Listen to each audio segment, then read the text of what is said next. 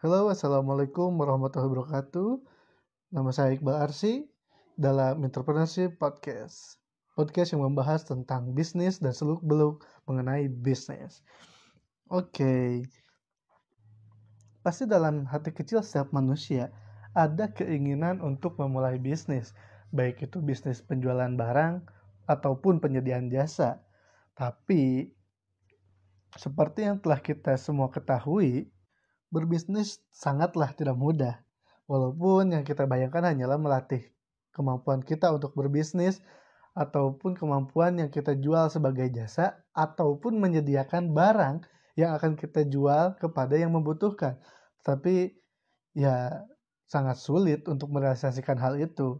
Karena dalam bisnis tentu memerlukan banyak sumber referensi untuk menentukan jumlah budget untuk bisnis, lokasi, target pasar, dan arah bisnis yang akan dijalani. Hal-hal tersebut bisa berubah seiring berjalannya bisnis, namun bagaimanapun juga dalam bisnis perlu adanya perencanaan pasar atau market plan. Nah, pada kali pada kesempatan kali ini saya akan membahas mengenai apa itu market plan, tujuan, manfaat, dan juga hal-hal yang memang harus kita persiapkan dalam membuat market plan.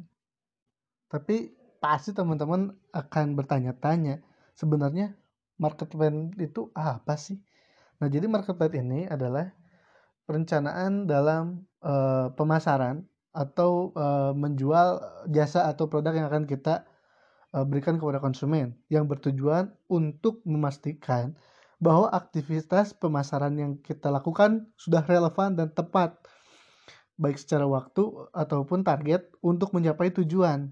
Ini adalah rencana yang mendefinisikan posisi kompetitif yang berkelanjutan dan menentukan sumber daya yang diperlukan untuk mencapainya. Jadi market plan ini dapat dikatakan selain barang dan jasa yang sudah kita miliki, poin keduanya itu adalah market plan karena kita barangnya sudah ready stock, kita punya banyak stoknya dan jasa yang akan kita jual pun sudah sangat mumpuni tapi kita tidak tahu untuk siapa ke siapa dan bagaimana cara kita memasarkannya itu. Nah tujuan dari memiliki market plan ini adalah yang pertama untuk mengetahui dan memperbanyak uh, informasi mengenai perubahan pasar yang sangat kompetitif. Jelas teman-teman yang yang berniat untuk berbisnis kan nggak cuman kita aja, tetapi bisa saja rekan satu perkumpulan dengan kita pun berencana bisnis. Syukur-syukur kalau berbeda. Kalau sama dan kita tidak mempunyai taktik atau inovasi dalam memulai bisnis ini, sudah jelas kita akan tertinggal start. Jadi manfaat yang bisa didapat yaitu eh, aktivitas pemasaran akan lebih terkoordinasi, kemudian kita bisa uh, mengidentifikasikan perkembangan usaha uh, ya baik itu surplus ataupun minus dan apa yang harus kita lakukan untuk meningkatkan uh, perkembangan usaha dan penjualan tentunya. Kemudian menjadi acuan perubahan uh, baik secara dalam bentuk kebijakan ataupun uh, sebagai alat untuk menghindari konflik. Jadi kita bisa merubah hal-hal yang asalnya menjadi masalah atau problem uh, dicarikan solusinya itu bisa dibantu oleh market ini. Kemudian sebagai indikator pembaharuan kebijakan seperti yang disebutkan sebelumnya. Uh, jadi kebijakan-kebijakan uh, penjualan kah atau produksi kah misalnya sebagai contoh jika penjualannya turun ya berarti produksi kita harus sedikit dikurangi atau uh, kualitasnya diperbaiki. Uh, tergantung daripada uh, apa namanya hal yang terjadi di pasar. Kemudian menjadi acuan dan kerangka berpikir. Tentu saja untuk mengubah kebijakan kita membutuhkan yang namanya kerangka berpikir. Oke, yang selanjutnya adalah bagaimana sih langkah-langkah yang harus kita tempuh untuk mendapatkan formula daripada market plan atau rencana pemasaran. Yang pertama adalah analisis situasi. Situasi apa baik itu situasi di masyarakat, uh, daya beli masyarakat dan sebagainya ataupun uh, produk kita. Apa sih kekuatan dari produk atau jasa yang kita jual? Apa itu kelemahannya? apa tantangannya, dan juga bagaimana cara kita mengatasinya. Itu yang paling penting. Atau kita lebih mengenal dengan yang namanya analisis SWOT. Dan kita harus bisa menetapkan tujuan dan sasaran pasar, dan kemudian strategi program-program ini berjangka panjang ya teman-teman. Eh, program ini bisa berupa target, tata cara atau walkthrough dan sebagainya. Nah, poin-poinnya itu adalah yang sudah disebutkan sebelumnya dan ada poin tambahan yaitu target konsumen, tujuan akhir, menentukan kanal pemasaran. Ini sangat penting teman-teman, menentukan kanal pemasaran. Uh, media promosi yang paling pas untuk anak-anak dan remaja mungkin uh, Instagram dan sebagainya. Dan itu kan dikunjungi oleh uh, generasi milenial ya teman-teman. Jadi jika target kita adalah uh, orang atau manusia yang berumur di bawah 30 tahun sangat tepat untuk menyimpan Instagram dan sebagainya. Tapi untuk yang mungkin di atas umur itu ya dengan metode-metode yang lain bisa melalui WhatsApp dan sebagainya. Uh, jika memungkinkan kita bisa untuk membentuk tim supaya apa?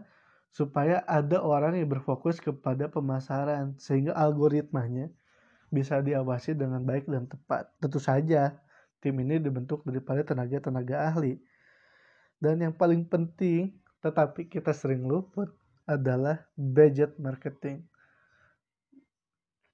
Mungkin sebelum era digital seperti saat ini, budget marketing ini sangat-sangat tidak dipertimbangkan.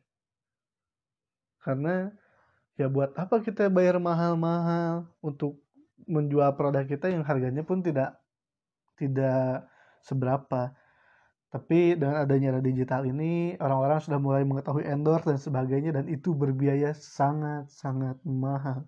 Sehingga kita harus sangat memperhitungkan di kanal apa, di mana dan e, durasi dan sebagainya itu harus dipikirkan secara matang baik konsep yang bisa eye catching atau menarik di mata konsumen begitu juga budgetnya yang sangat bersahabat dengan kita selaku uh, pengusaha atau pegiat bisnis. Seperti itu. Jadi usahakan alokasikanlah dana keuangan untuk uh, proses marketing ini. Ini terdengar sepele tapi sangat sangat uh, berpengaruh. Semakin bonafit uh, providernya akan semakin mahal juga harganya. Gitu. Yang selanjutnya yaitu adalah identifying the market competition. Kompetisi dalam pasar itu sangat-sangat sengit. Bahkan jika kita berleha-leha dalam satu hari pun kita akan tertinggal dengan perusahaan yang lain sangat-sangat jauh. Tetapi semakin banyaknya kompetitor kita bukan berarti keuntungan kita semakin merugi. Justru semakin banyaknya kompetitor yang kita miliki, hal itu akan membantu kita secara tidak langsung. Mengapa? Bukannya semakin banyak yang berjualan, semakin sedikit yang membeli ke kita karena akan terklasterisasi proses jual belinya. Tidak, justru tanpa kita sadari, semakin banyaknya uh, pengusaha yang berusaha di sektor yang sama dengan kita, mereka akan melakukan promosi baik itu keuntungan uh, menggunakan produk atau jasa yang kita jual dan sebagainya secara tidak langsung tinggal yang menjadi kesulitannya adalah bagaimana cara kita berinovasi dan memberikan pelayanan yang terbaik kepada konsumen. Hanya itulah tantangannya. Karena semakin banyak sosialisasi akan terus berjalan dan masyarakat akan menyadari betapa uh, pentingnya ataupun berapa baiknya uh, produk yang kita jual atau kita uh, pasarkan kepada orang-orang. Seperti itu. Dan jangan lupakan mengenai database. Apa itu database? Jadi database itu adalah baik kontak di HP ataupun nomor WhatsApp, data-data daripada uh, akun sosial media baik itu Facebook, Twitter, Instagram uh, dan yang lain-lain. Mengapa database dikatakan sangat penting dan jangan dilupakan? Database ini adalah sebagai media promosi yang paling paling mendasar. Contohlah kontak di WhatsApp kita. Semakin banyak uh, kontak yang di handphone kita, ketika kita membuat status, yang melihat status kita itu akan semakin banyak seperti itu. Dan ketika kita mempromosikan barang atau jasa yang kita jual di status kita, jika yang melihatnya banyak, biarpun dia tidak ingin memakainya, setidaknya dia bisa memberitahukan bahwa, ih di kontak saya ada yang bisa melakukan uh, jasa ini, misalnya MC atau uh, ada yang mempunyai yang berjualan uh, makanan ini cirengkah atau apa pun itu, seperti itu. Jadi sebelum kita memikirkan untuk membayar iklan ataupun mengendorse artis atau selebgram yang memang harganya sangat sangat mahal atau tidak murah, bagaimana kenapa kita tidak memulai daripada orang-orang terdekat kita minimal yang berteman di Instagram atau eh di Facebook dan yang saling mengikuti di Instagram, teman Twitter ataupun eh, orang-orang yang ada di kontak WhatsApp kita. Hal itu bisa jadi dasar bagaimana cara kita memulai bisnis. Begitu.